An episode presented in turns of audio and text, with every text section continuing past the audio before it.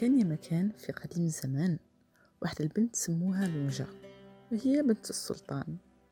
كانت بنت آية في الجمال. فتقدم لخطبتها ولد القايد وقبل السلطان. بصح طلب من بنته باش ما تحكيش مع زوجها. وكان كيما طلب. من يوم العرس ما حكيتش لونجا مع ولد القايد. ف مل هذاك القايد بما أنه جرب كل شيء؟ هي ما تحكيش. فقرر يتزوج من زوجها. ونهار العرس كانت لونجا تبكي على حالها. على خاطر ما كانش تقدر تخلف بوعدها. واحد النهار خرجت المرأة زوجها للحوش وشافت الجلج ياكل في القمح. بدات تسكي وقالت اش اش حوش الطرش والبكش.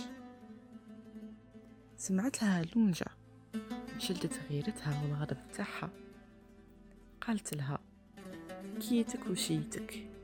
أنا بنت الرجال والسياد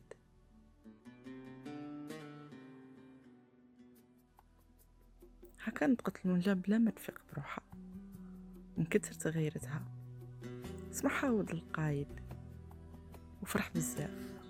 قرر من ذاك النهار يرجع الزوجة الثانية ووالدها يبقى غير هو ولونجا بنت السلطان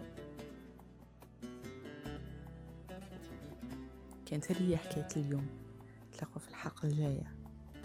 سلام.